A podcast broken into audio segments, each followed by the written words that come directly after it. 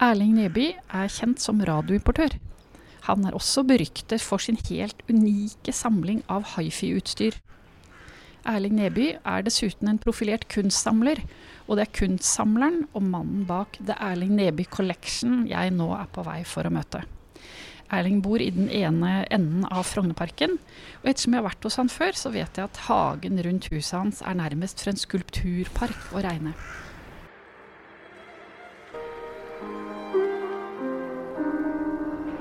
Det finnes veldig mange spennende folk i kunstfeltet, og her får du møte noen av dem. Dette er Kunstavisen podkast, og jeg heter Mona Gjessing. For ett år siden åpnet utstillingen 'Cutting Edges Nordic Concrete Art from the Erling Neby Collection' i Scandinavia House i New York. Utstillingen, som var kuratert av den norske kunsthistorikeren og tidligere museumsdirektøren ved henne i Onsdag kunstsenter, Karin Hellandsjø, inneholdt malerier, tegninger og skulpturer fra den nordiske delen av samlingen til Erling. I utstillingen fikk man se arbeider av bl.a. svenske Ole Bertling, danske Rikard Mortensen, finske Pål Osipov og norske Åse Texman Rygg. Disse kunstnerne har Erling møtt ved flere anledninger, og noen av dem har blitt hans gode venner. Jeg spør han om uh, hvordan han kom i kontakt med f.eks. Olle Ole Bertling. Jeg kom i kontakt med han uh, Jeg rett og slett ringte han. Jeg tipper det var i 1974-75.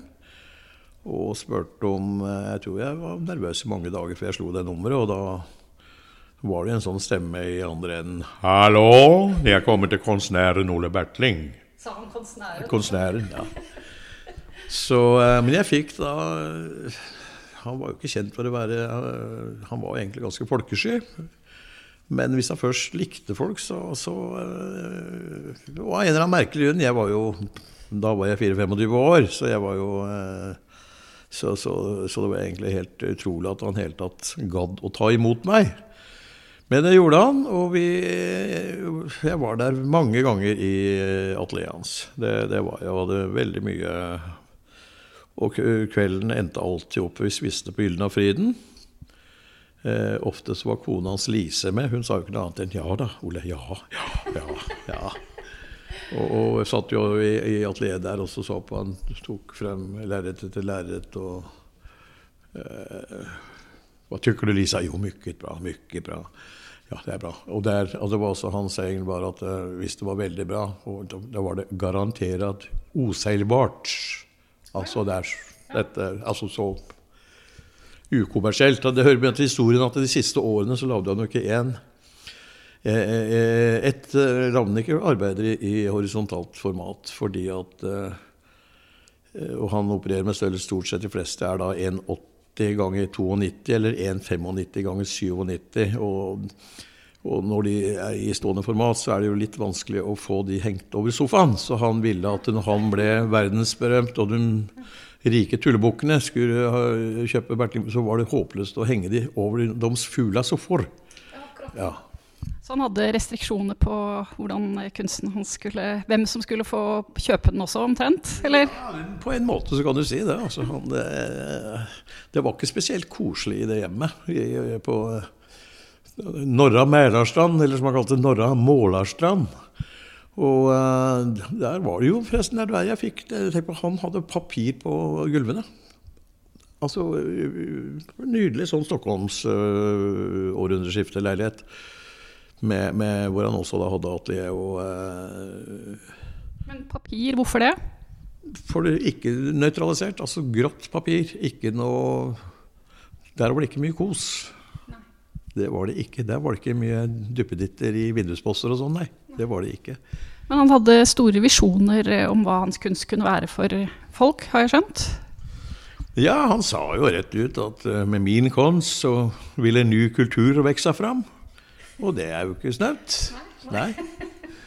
Så, eh, men han var, jo, han var jo veldig konsekvent. Da. Han var jo eh, Han juksa ikke. Altså. Han jukset ikke, og han hadde jo ikke noe egentlig noe særlig kommersiell suksess i sin levetid. Jo da, han var utstilt i Paris og Tyskland og Sveits og uh, Amerika osv. overalt, men uh, det var ikke noe kølappsystem for å kjøpe bildene hans. Det, det, det var det ikke. Men nå er han liksom blitt uh, jeg holdt på å si det, Han var jo litt sånn artist-artist. Jeg tror, hvis du ser på disse Liechtenstein uh, imperfect paintings Jeg tror ikke han hadde malt de sånn de som liksom på en måte går ut av lerretet eller, eller, papiret. Uh, jeg tror ikke han har gjort det uten å ha sett Bertling. Såpass? Uh, det er ikke noen påstand. Jeg, jeg vil ikke bli overrasket om det var sant, nei. Han var jo, altså Donald Judd var jo en stor begynner av eh, Bertling. Han eh, stilte ut i eh, altså i, i, Texas, i John Judd-stiftelsen ute i ørkenen der. Og da hadde jeg forresten med tre-fire av mine bilder. Det var flere, flere store navn der. Rikard Mortensen. Han har jeg så vidt møtt én gang. Men det Jeg husker ikke hvilket det, men det er ikke noe spesielt minne i og for seg, for ja, jeg vet ikke om det er lov Han var veldig full. Så det, det, var, det, var, ikke noe vits i. Nei. Nei. det var ikke noe vits i. Finske Pål Osipov? Han regner jeg som en av mine virkelig gode venner. Han har jeg fulgt i alle år, han også. Og eh, vi snakker sammen eh, stadig, om ikke ukentlig, så i hvert fall veldig ofte. Og vi ser hverandre ofte og hygger og spiser oss og spiser og ikke minst forfrisker oss. Øh, og har Trener sammen, altså? Trener sammen. Trener sammen. Ja. Nei, han har jeg veldig, veldig sans for. Han eh, Nå er ikke jeg veldig begeistret for de siste tingene, men sånn er nå det, da. Men det er den perioden sånn, sånn midten av 70 til sånn 4-95, tenker jeg. Hvor så du bilder av han først? Eh, jeg så vel faktisk noe av det første, det var nok på Galleri Ris. En eller annen gang på 80-tallet, eller var det på Artek i, i, i Helsinki? Det, det, husker jeg ikke. Og da falt du med en gang for eh, det du så? Jeg, jeg gjorde det. Jeg gjorde det. Jeg, jeg kjøpte flere sånne disse små eh, akryl på papir-tingene hans. og så kjøpte jeg et stort bilde. Er det 250-60 ganger 3 et eller annet? Det var i hvert fall så stort at jeg fikk det ikke inn i huset. Altså fysisk umulig å få det inn. Så eh, det, jo, det levde på veggen der i noen måneder, for da måtte han komme over og, og, eh, og, og spenne opp, ta det ned og spenne det opp igjen på blindramma. Men, eh, men det, sånt, det, tenker jeg aldri på jeg kjøper bilde. Aldri det med, hvor skal det henge? Eller hvordan skal jeg få det inn i huset? Det ordner seg. Og det ordner seg alltid. Men han har blitt en god venn? Han, han har blitt en veldig god venn. Ordentlig god venn. Han, er, han blir 80 år nå. Nei, han ble 80. Han er født i 1939 og er fysisk eh, helt 100% klar i hodet. Han er, eh, er nok den mest kunnskapsrike fyren jeg kjenner. Og du kan snakke med han om, nesten alt som finnes. Altså. Fra uh, ja, og han er jo så mye lest. Han er italiensk, fransk eh. Samtidig så er han litt gæren og morsom, og i den alder han og i sitt 81-82 år, like jentegæren. Akkurat. Ja. Blir nok mest med praten, men ok. ok. Eh, også Texman Rygg. Eh, ja. Ditt forhold til henne? Eh, ja, det er en litt lang historie, da. Hvis jeg skal prøve å ta kortversjonen. Jeg, jeg, jeg hadde ikke jeg, jeg, jeg, fikk noen brever fra henne sånn innimellom for mange, mange år siden. Eh, og, hvor hun inviterte meg til atelier og, og sånn. Og så, så, hun kontaktet deg først? Hun kontaktet meg først. Og så eh, tok jeg da kontakt kanskje noen år senere, for da jeg vet ikke hvorfor det ble noe. Kanskje det hadde noe med at da hadde jeg ikke penger, eller et eller annet. tilbake noe Og Vi har alltid hatt lyst til å ha et eh, hatt verk av henne. Og da, da tok jeg vel motet til meg og ringte. og Uh, som jeg lærte av moren min, når man ringer til folk man ikke kjenner, så presenterer man seg, og da sier jeg 'hallo, jeg heter Erling Neby'. Ja, jeg vet da hvem de er. Okay, ja. Men i hvert fall så ble vi enige om jeg skulle komme opp til atelieret hennes eh, tirsdag klokken sånn og slik. Og det gjorde jeg. Og ble møtt av en meget myndig, streng dame i døren. Og Simen Nibbe, hvorfor har ikke du kontaktet meg før?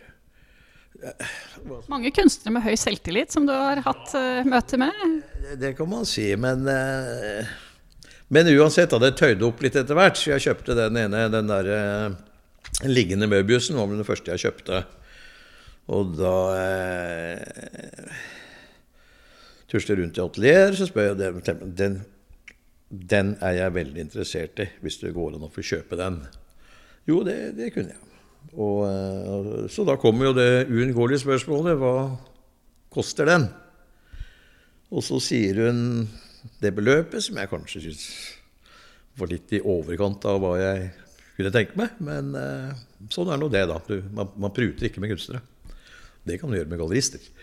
Men, eh, men så sier jeg OK, og så spør jeg kan jeg få 20 minutters kreditt, så jeg kommer på, på jobben, så jeg kan få overført penger til deg. Så ser jeg meg langt inn i hvitøyet. Simen DB, har de penger, eller har de ikke penger? det er sant.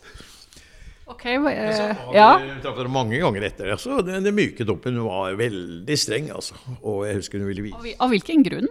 Jeg vet ikke. Hun var jo sånn veldig sånn bitter egentlig på det norske miljøet. Og hun som var dame, og hun, husker hun vokste opp under Haukeland. Øh, øh, Jens Johannessen-tiden, altså sånn 60-tallet. Altså, det var ikke lett å slåss mot de gutta der.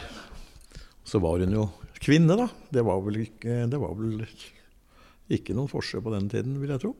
Heller det er det vel dokumentert at det ikke var. Men dere, dere kom godt overens sånn ganske snart, da? Ja da, så jeg har kjøpt Jeg har jo flere. Jeg har jo fem-seks skulpturer av henne. Og eh, som jeg er for øvrig veldig, veldig glad i. Uh, ja, og uh, hun kan stå jeg holdt på å si, hvor som helst i verden. Det kan hun. Det er virkelig sant. Um, I den utstillingen som vi snakket om uh, i utgangspunktet nå, så figurerte også et arbeid av den norske relativt unge samtidskunstneren Kristin Nordhøy. Eh, som vi har et bilde av, eh, av, rett foran oss nå, faktisk. Hun er eh, en av dem som du har fattet interesse for de senere årene? Ja, hun hadde ikke jeg hørt om engang. Jeg hadde ikke sett henne før jeg så hos, på Galleri Håken. Og hæ, hva er dette for noe? Og, og det var bare et eller annet som Altså, Det er jo mange som lager sånn type kunst, men jeg hadde aldri sett noe sånt nå. Tenkte jøss, er dette noe latinamerikansk? Skal det være noe sånn Krutstier Soto, eh, Tomasello-ting? Men eh, nei, helt personlig. Og jeg, jeg falt pladask, og nå har jeg belevd levd med i hvert fall to-tre av verkene hennes i, i to-tre år. Og det, det, det funker fortsatt veldig, veldig bra. For sånn type kunst, det kan lett skli over i eh, hva skal jeg si, litt sånn italiensk raffinert design. Men dette er kunst. Ikke, jeg kan ikke forklare det intellektuelt. Det, bare, det, er, det, sitter. For hvis sånne bilder er dårlige, så blir du ferdig i løpet av tre kvarter altså, med det. Da må du bare få det ut. Det har hendt seg. Fy fader. Også, men det er mange år siden. Du har jo lært etter hvert. Og da må jeg bare ha ting ut. Da kan ikke jeg leve med det. Da, da, da oh, nei, altså La noen få det, eller selge det for 3 kroner og 40 øre. Jeg bare Nei, ferdig. Du tar aldri med deg noen sånn kunstrådgiver eller noe sånt når du går rundt? Du er helt eh, egenrådig? Ja, jeg har aldri skjønt det der hvis man skal drive og investere i kunst, at kanskje man skulle bruke uh, profesjonelle uh, hjelpere. Nei, du, aldri. Altså, jeg jeg er aldri, jeg har aldri spurt rådført meg i den forstand. Jeg syns det er veldig hyggelig når folk syns 'Å, fy flate, det var fint'. Eller noen av barna mine sier 'Å, så fint bilde, pappa'. Eller eh, hvis de ikke sier noe. Det er jo såpass fine mennesker at de holder kjeft hvis de syns det er Men wow! Oi, det var fint. Det, det er hyggelig. Og om disse såkalt ekspertene også syns det er veldig fint, så er det også hyggelig. Hvis de ikke gjør det, så bryr jeg meg ikke noe om det. Absolutt ikke. Ja, det er jo imponerende, må jeg si. Um, ja, men Skulle ikke det bare mangle, hvis man driver og uh, Hvorfor skal man Altså, jeg kjøper jo kunst etter mitt hode eller min mage. Og, og hvis det For jeg har jo vært sånn at uh, Wow, det må jeg bare ha.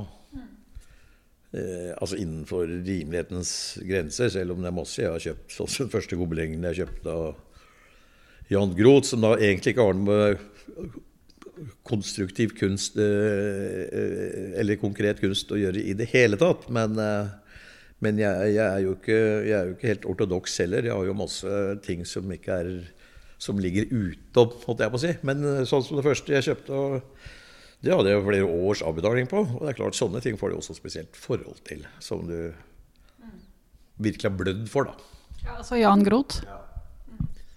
Når var det du kjøpte det første arbeidet av han? Husker du det? Eh, jeg vil tro det må da være på, la meg si, på slutten av 70-tallet. Ja. Og Da er det bare gobelenger, eller har du noe annet? Tegninger også, ja? Skulptur. Ja, ja, men det er liksom gobelenger. Det er noe med den der dristigheten. Holde på et halvt år og veve og holde på, og så tar du ut, og så eh, Noe greit, det var ikke så fint allikevel, men i forhold til liksom da å holde på med gullstifter, og så blir det mislykket, så er ikke det Da får du bare sette i gang igjen og prøve på nytt. Du, eh, Året før eh, du stilte ut dine arbeider på Scandinavia House, så var det også en veldig fin utstilling der hvor vi traff hverandre, faktisk. Eh, I New York. Eh, Lightlines. Med arbeiderne etterpå, Jan Groth og Inge Johanne Grytting ja, og Thomas Pil. Det husker du? Det husker jeg veldig godt. Veldig godt. Mm. Jo, jeg hadde, det var forresten et av mine tepper av Jan som, Groth som var der. Og, og Inge Johanne Grytting, er det Ja, hun er relativ, et relativt nytt bekjentskap. Eh, er det fem-seks år siden jeg kjøpte de første tingene hennes? Jeg er veldig begeistret for det. Det er noe sånn sart Litt sånn kanskje feminint, men eh, ikke, altså Det kan være litt sånn Agnes Martin, hvis du vil, men det er jo ikke det heller. Jeg syns blyanttingene hennes er helt suverene. Helt suverene. Du, når du ser et arbeid av Inge Johanne Grytting, eh, tenker du da ja, det vil jeg gjerne ha, eller tenker du at du vil ha flere arbeider for å ha en representasjon ja. kunst, av hennes kunstnerskap? Ja, men det, det, gjelder egentlig Jeg tror hvis du ser på alt jeg har av, av, kunstnere, så du skal minst ha tre bilder av hver kunstner for å skjønne hva de driver med. Det er som eh, ja, ta Bertling. Eller eh, kanskje enda enklere Josef Albers. Altså et, et homage to the square. Er, men altså, hvis du har minst to, tre, fire, da, så ok, da skjønner du virkelig hva han driver med. Ja. Har du de her hjemme? Ikke nå. Ikke nå. De har jeg ikke. Jeg har eh, en, en, en, litor, men ikke, ikke maleriene. Du, hva er det vi ser eh, bak deg nå på veggen? Det er Jeanne Jean de Vanne. De Vassne. De Vanne. Eh, fransk. Eh, en, av, en, som jeg har veldig mange verk av. Noe av det første jeg så og falt for i Paris på ja, midten av 70-tallet. Eh, da var jeg ganske ung. Jeg er ikke så gammel. Altså. Jeg er født i 1950. Men jeg var nok altså, Det var i den tiden der jeg var eh, ble veldig nysgjerrig etter det første besøket hos Galleri Denis René, som jeg kom med helt, en ren tilfeldighet og så ting som vi aldri hadde sett før, og ble fryktelig nysgjerrig. Men Hadde du vært interessert i Du kommer til Paris, du kommer til dette galleriet. Hadde, søkte du mot det, eller? Nei, nei ikke i det hele tatt. Det var som, egentlig bare tilfeldig. Jeg var med noen folk som var innom der. Eh, jeg jobbet med noen franske eh, stereofolk på den tiden. Og av en eller annen grunn så var han ene litt opptatt av det, så jeg ble med dit. Og så ble jeg på en måte frelst.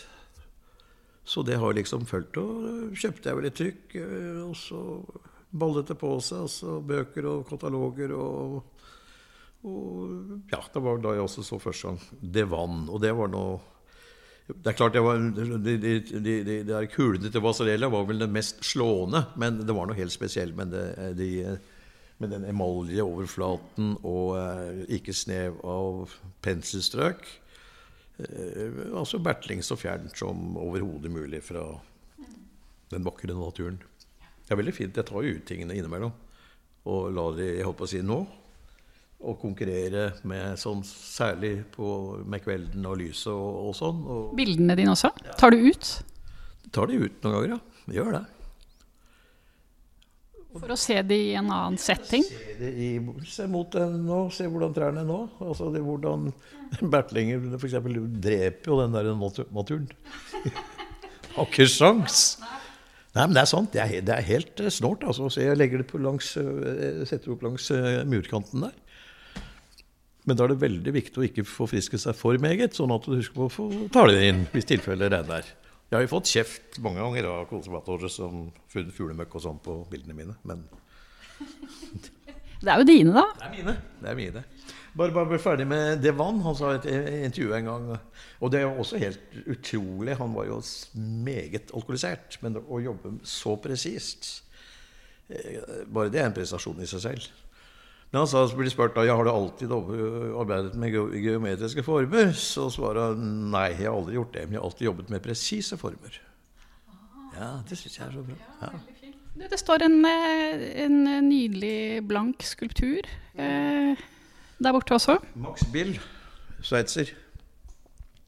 Eh, Du ser jo at dette er sveitser. Altså det er så sveitsisk. Det er matematikk. Det er eh, eh, Han lagde jo Først snakker om han, så lagde jo han Jeg sier ikke at Åse Texbond Rygg har plukket derfra, men eh, han lagde jo disse Möbius-tingene allerede på 1930-tallet. Så eh, det er noe slektskap der. Tilbake til Åse eh, igjen. eh, Jeg gjorde en fatal bommert for å lurte på om jeg ville komme opp og se på litt noen ting som ikke var så kjent av det hun hadde. Altså eh, andre ting enn disse Møbiusene og Voltar og ting. Og da ble jeg ikke så begeistret, så gjorde jeg jo den fatale feilen at jeg sa for meg så blir dette litt mye som skiløpere. Det falt ikke i god jord. Altså. Okay. Hva gjorde hun da? Jeg kommenterte ikke da, så hun vel mest på klokka. Um, ja, du har samlet på kunst i snart 50 år. Jeg tenker på det. Um, du snakket i stad om at du begynte da du kom til Paris og litt tilfeldig osv. Men uh, da du var eh, yngre, hjemme hos deg, hvordan var det da du vokste opp? Var det noen som var interessert i kunst, eller? Nei, det var ikke det, men uh, ikke noe spesielt. Det så vel ut som hos de fleste andre, rent bortsett fra at det var egentlig ganske moderne. Jeg mener, husker at moren min hadde abonnement på Bonytt, og det tror jeg ikke det var så mange som hadde i Trysil. Så der satt hun bladde i, og fikk sett litt av hvert. Jeg, jeg tror nok jeg husker det veldig godt. ja. Men ingen eh, kunstverk på veggen som var av betydning? Nei, ikke noe eh, som har eh, satt noen dype spor, nei. Um, nå sitter vi her og, med utsikt. Ja, ok. Ganske god smak. Altså, jeg tror moren min, altså det huset hun tegnet, det var egentlig litt Det var fint. Altså sånn nesten litt sånn Nesten litt sånn dansk. Eh, ja, i motsetning til 99% av de husene på bygda var jo da med sånne hva heter sånne asbestplater og, eh, og altså Det var kanskje litt mindre koselig enn alle de andre. Du vokste opp i Trysil og bodde Hvor lenge bodde du der? Til jeg var eh, 15-16 år. Hva skjedde da? Da flyttet jeg til hovedstaden og begynte på Tandberg radiofabrikk og skulle være i sånn lære. Og så skulle jeg gå på skole om kvelden. Det gjorde jeg vel til et kvarters tid. Og så eh, jobbet jeg vel der i Var det to år? Jeg tror det. Og så begynte jeg Jeg var innom et firma som heter Skandinavisk elektronikk et snaut år. Eller så begynte jeg vel når jeg var sånn 18-19 år og begynte å, med eget firma. Du har ikke bodd her hvor vi sitter nå, eh, enden av Frognerparken med en nydelig svømmebasseng og en fantastisk eh, skulptursamling ute i hagen og utsikt eh, nedover Vigelandsparken her. Her har du ikke bodd hele livet. Eh, nei, men siden eh, Jeg tror bedre å at jeg kjøpte 1986. Da var vi altså 26 år, og da var det sånn at det var ingen som turte å kjøpe det. Fordi at da var det uregulert område.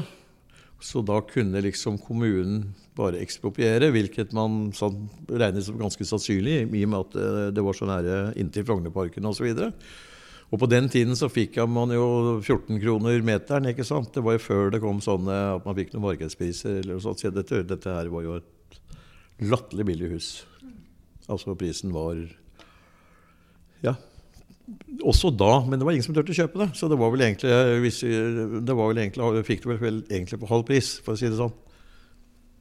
Men eh, da du flytta til Oslo, da, hvor, du, hvor, var det første stedet du bodde da? Da bodde vi på Lambertseter. Nei, nå ljuger jeg. Jeg bodde på hybel på Bjølsen, en sånn Obos-hybel der. Som eh, min morfar ordret med.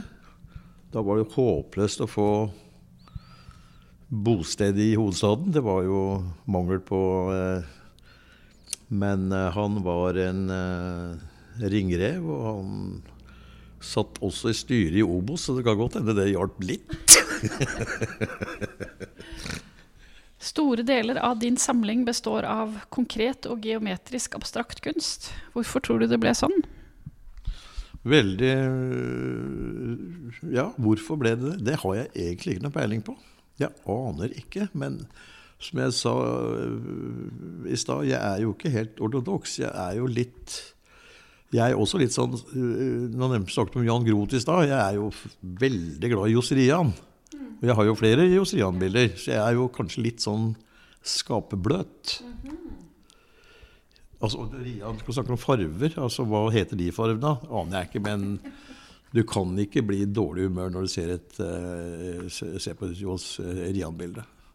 Jeg så jo flere ting av uh, Bjørn Ransve som jeg kjøpte tidlig på 70-tallet. Det var en av kanskje det første jeg kjøpte. Så de har jeg jo fortsatt. Disse hodene hans f.eks., som er klassiske, praktfulle verk. Han er jo en mester med blyanten. Derfra til og det du har på veggen der på to ganger fire og en halv meter, som vel egentlig burde uh, få i fleisen, men du gjør ikke det. For den svarte går liksom i det hvite, og det, det er akkurat som rommet åpner seg. Altså Uten det så er det rommet tomt.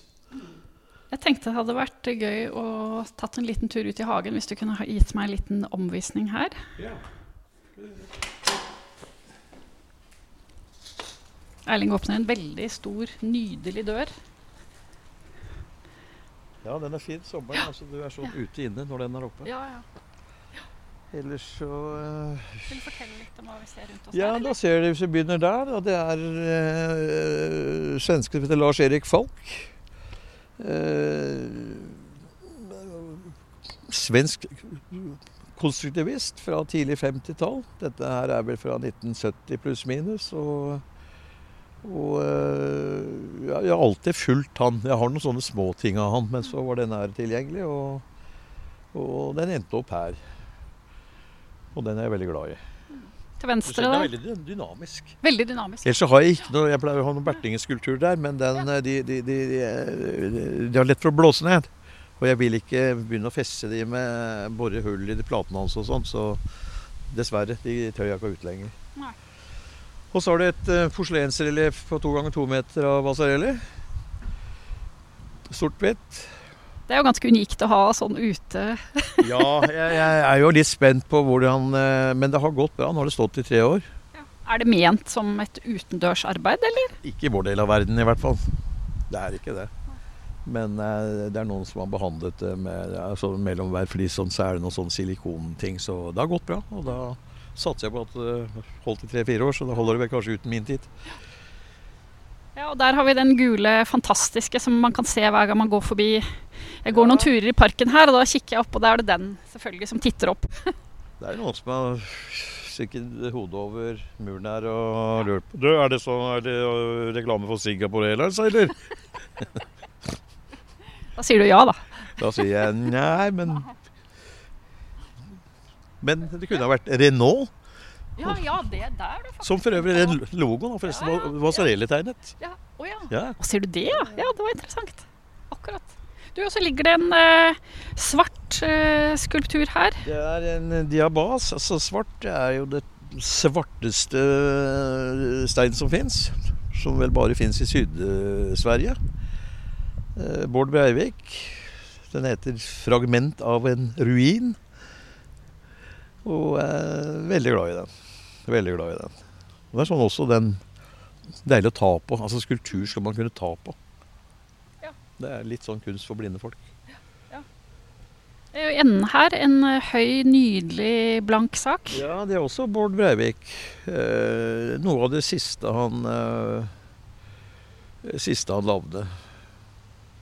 Eh, Dere var gode venner, eller? vi var veldig gode venner, absolutt. Det var vi. Hadde jo veldig mye hygge sammen med Bård. Vi var jo i Kina sammen i noen uker. Og heller noen uker, det var det vel ikke, men i hvert fall en drøy uke. Og det var en fantastisk opplevelse. Å være med han oppe i stenverdenen. Ja, nei, det var en opplevelse. Virkelig. Er det noe annet jeg burde se her? Jeg vet at det er noe ned trappa. Og... Ja, der er det en, en eh, ganske stor sak av Tone Vigeland, som da står og konkurrerer med onkelen sin her ute. Ja, ja, ja. Ja.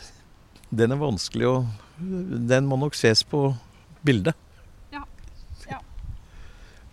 Planlegger du noen flere innkjøp? Sånn, tenker du sånn hva skal jeg ha her mer, eller er det, mer, Nei, er det ikke nei, sånn du tenker? Nei, det må ikke bli sånn eh, Nå, da tenkte du når liksom den kom og sånn, det, må ikke bli sånn skulpturpark. Nei. Nei. Nei.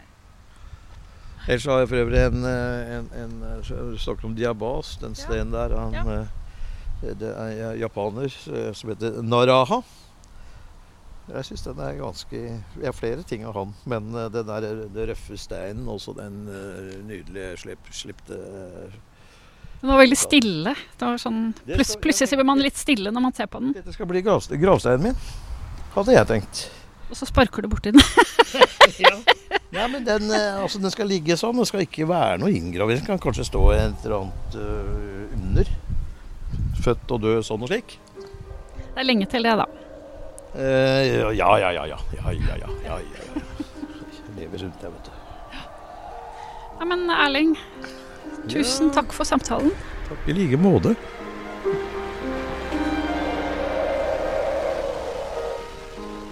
Karin Hellandsjø, kunsthistoriker og tidligere direktør ved Henny Onstad kunstsenter. Hvordan vil du karakterisere Erling Nebys, kunstsamling? Nei, den er eh, genuin, veldig spesiell, fordi den, den dekker på en måte en, ja, en retning innen kunsten, da. Så han, eh, det er en, en samling som han har bygget opp helt selv. Han bruker jo ikke konsulenter, han bruker jo ikke sånn som oss. Eh, Så den er veldig personlig, og så er det det at den, eh, ja, det er mest konkret kunst. Men iallfall så er den en veldig sånn definert samling, og det er det ikke så ofte man har. Du har jobbet med å fremme Erlings samling ved flere anledninger. Første gang ikke 1992, som jeg har skrevet her, men 1991 allerede. Kan du si noe om hvordan du har arbeidet med hans samling opp gjennom årene? Ja, jeg ble jo kjent med den. Jeg husker ikke riktig, men jeg tror jeg lånte noe Jasper Johns. Jeg tror det var et eller annet sånt.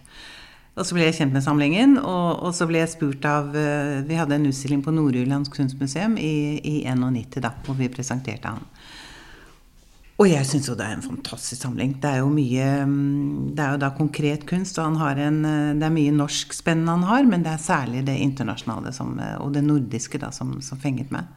Så det var en veldig interessant montering da. Og så fant vi ut ja, vi ville gjøre det på Museet for samtidskunst også. Da gjorde vi det i 92.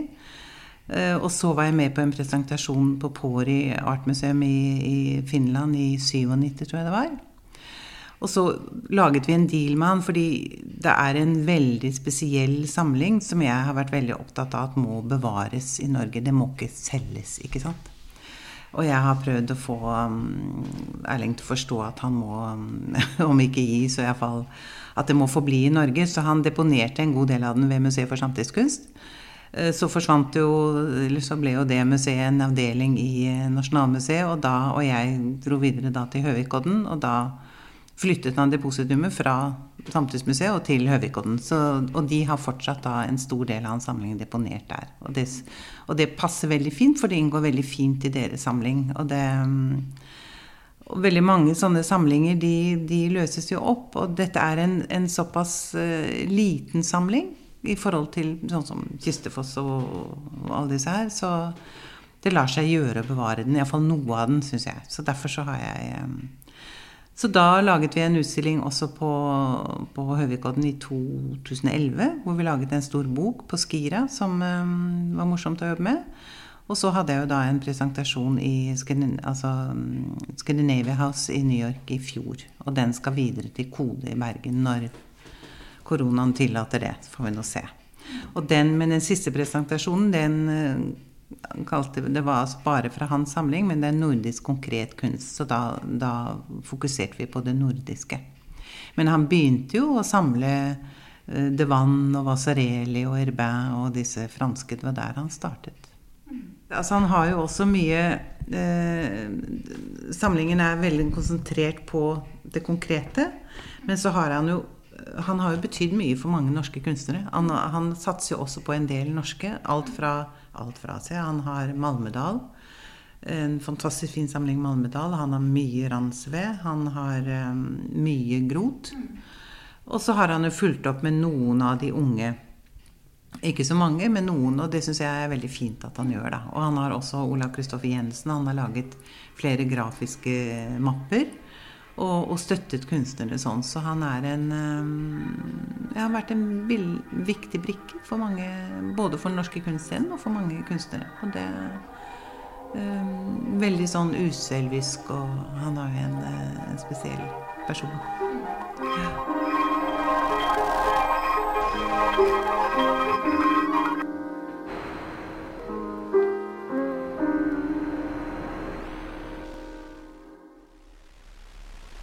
Denne podkasten er produsert av Tid og Lyst. For Kunstavisen med støtte fra Ekpos legat.